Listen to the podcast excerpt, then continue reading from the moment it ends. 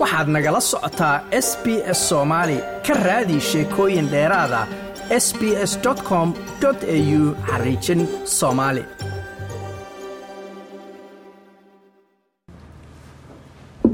dhammaantiin rag iyo dumarba waad salaaman tihiin. Qof walba magacuu sita ayaan ku salaamayaa. Intaa haddaad ka gudbo oo kollaba waad la socotaan xaaladaha ka jiro dowladda deegaanka soomaalida etoobiya iyo iyo soomaaliyaba. Waxaan jeclahay adinka iyo dhammaan inteena meesha isugu timid oo jaaliyaddii australia ka kooban in aynu murugadeenna tacsiye in aynu u diro dhammaan shacabkii iyo geesiyaashii geeriyooday ee masiibadu balaayada masiibada ah ay ku soo duushay. Waa dhammaanteen waa inaan runtii qoysaskii ay iyo qaraabadii iyo saaxiibadii ay ka geeriyoodeen oon inaguba ka mid nahay waa inaan murugada la wadaagno ayaa loo baahan yahay waayo geesiyaashaas oo runtii dad shacaba hataa yaa ka mid ahaa dadka dalkooda iyo dadkoodaba difaacahayay shacab bayba u badnaayeenba markii laga reebo ciidamada amniga ah. Marka runtii waa masiibo aada aad aada u adag oo inagu dhacday weeye. Waayo saaad ogsoon tihiin kooxdan argagixisada ah. Taariikhda waad la socotaan waxaa la aas-aasay labadii kun agagaarkeedii ayaa la aas-aasay. Olajeedadoodu waxaa weeye in dadka af soomaaliga ku hadla ee geeska africa in laga dhigo wax lagu magacaabo dowlad islaami ah. Laakiin ayagu islaam ma yihiin weeye marka hore su'aashu. Islaam maaha waa khawaarij weeye. Islaam ma aragtay intay galaan masjid culummadii indheergaratadii muslimiintii dumarkii layn hayo.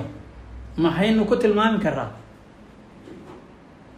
haddii waa muslim iyo muslimiinna ma aha islaamkana beri buu ka yahay ayaan leenahay. Dalkii soomaaliya oo runtii dadkeennii weeye soomaaliya iyo etoobiya iyo kenya iyo geeska africa o dhan dadku waa waa dad isku mid ah oo walaalo ah. Cadowgooda waxaa weeye waa foqorka iyo cadowgan dee la maalin walba la hortaagan qoriga inay biyo caafimaad waxbarasho helaan ayaa loo diidan yahay marka olojeedada nimankan waxaa weeye khawaarijta ah ma aha olojeedo diimeed waxaa weeye way isku soo qarinhayaan si ay xugumka diinta si ay ugu soo gabadaan ayaa la rabaa dadkii iyo dalkii iyo ummaddii geeska africa oo dhan in la qabsado oo si argagixisnimoa lagu qabsado.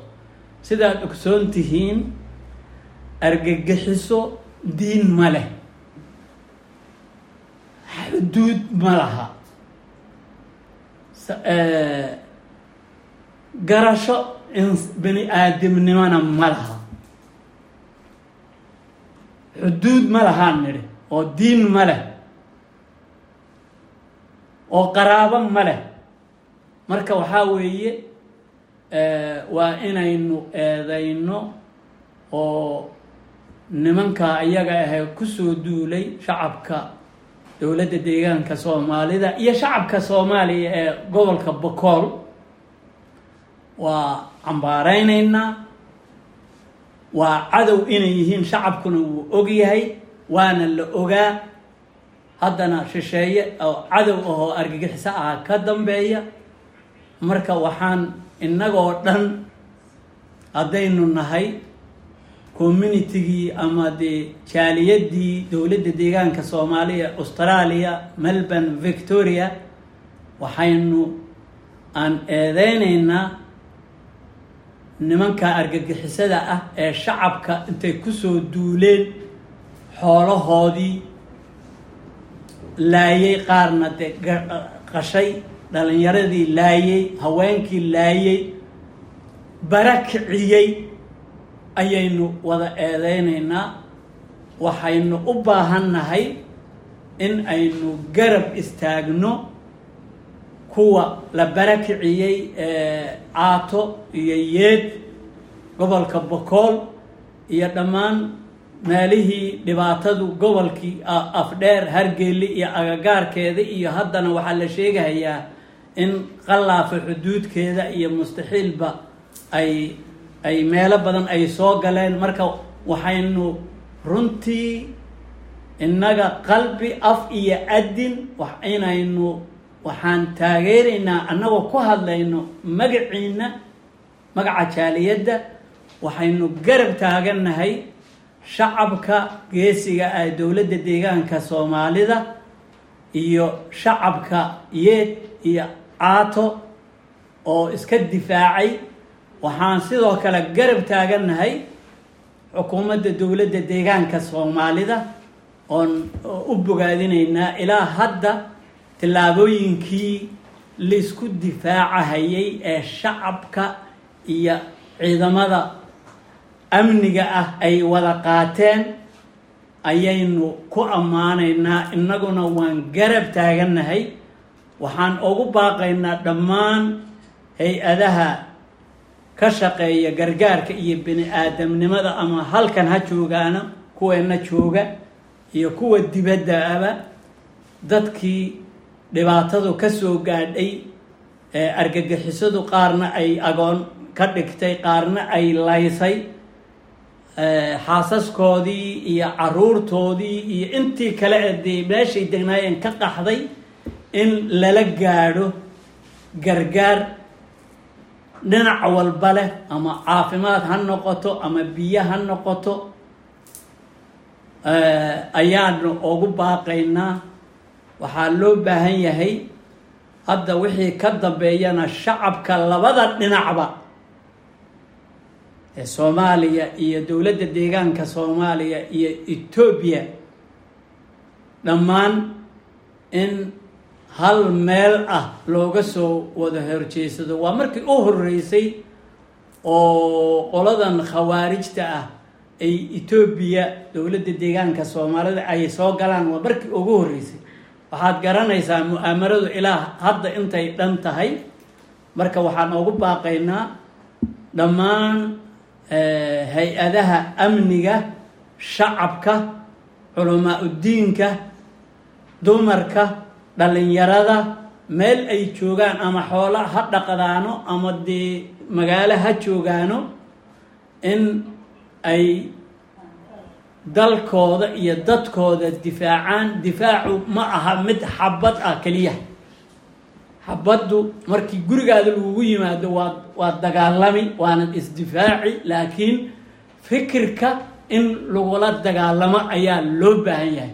Nimankanu khawaarijta waxay sheeganhayaan culimmadii baaba nala jooga qaar. Waxay sheegayaan in inay muslimiin yihiin. Laakiin runtii muslimiin ma aha. Marka waxaan u baahannahay culammada xaggaa joogto ama soomaaliya ha joogto ama dowladda deegaanka ha joogto dadka ay adeegsanayaan waa dhalinyaro yar yara oo la yidhi jannaad gelaysaan aabbihii iyo hooyadii iyo walaalkii iyo adeerkii ayaa intii la tashkiiliya waxaa lagu dhihi ayaga laftooda horta hore ka bilaab. Bal arrintaa arka. Kii aad adigu day biyaha siinaysay adeerka u ahayd ama gabadhaad dhashay ama wiilkaad dhashay ayaa yaaba yaaba rababa inuu janno kugu galo.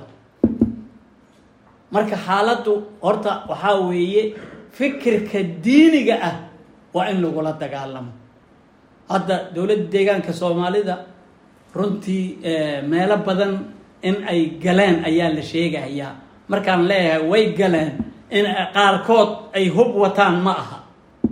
Iyagoo ganacsato ah iska dhigahaya. Iyo iyagoo xoolo dhaqato ah ayay meelo badan joogaan.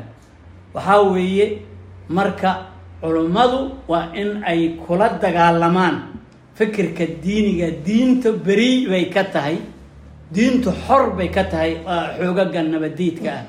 Marka waxaan leenahay in dadka ayaga ah fikir iyo xoogba lagaga hortago. Intaa haddaan ka gudbo waxaan wax inaad la socotaan ayaan malaynhayaa xoogag waxaa jira ama aan dhaho shaksiyaad qabqablayaala qabqablayaal markaa idin leeyahay ma aha kuwii hubka watay.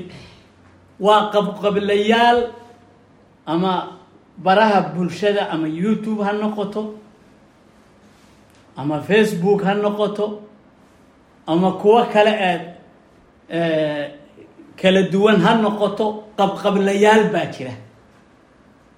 Qabqablayaashaas waxay ka shaqaynhayaan in ay dowladaha geeska africa gaar ahaan qowmiyadda soomaalida ah dalalkay degtoday in la isku diro. Inaad la socotaan baan ka yaan rajaynhayaa waxaa la sheegay in day ciidamadan khawaarijta ah in ay la socdaan ururkii o n l f kuwo kale kuwo kale kuwo kale waxaas oo dhan waxa abuurhayo waa dadkan qabqablayaasha ee adeegsanhayo ayagoo mediaha baraha bulshada adeegsanhayo.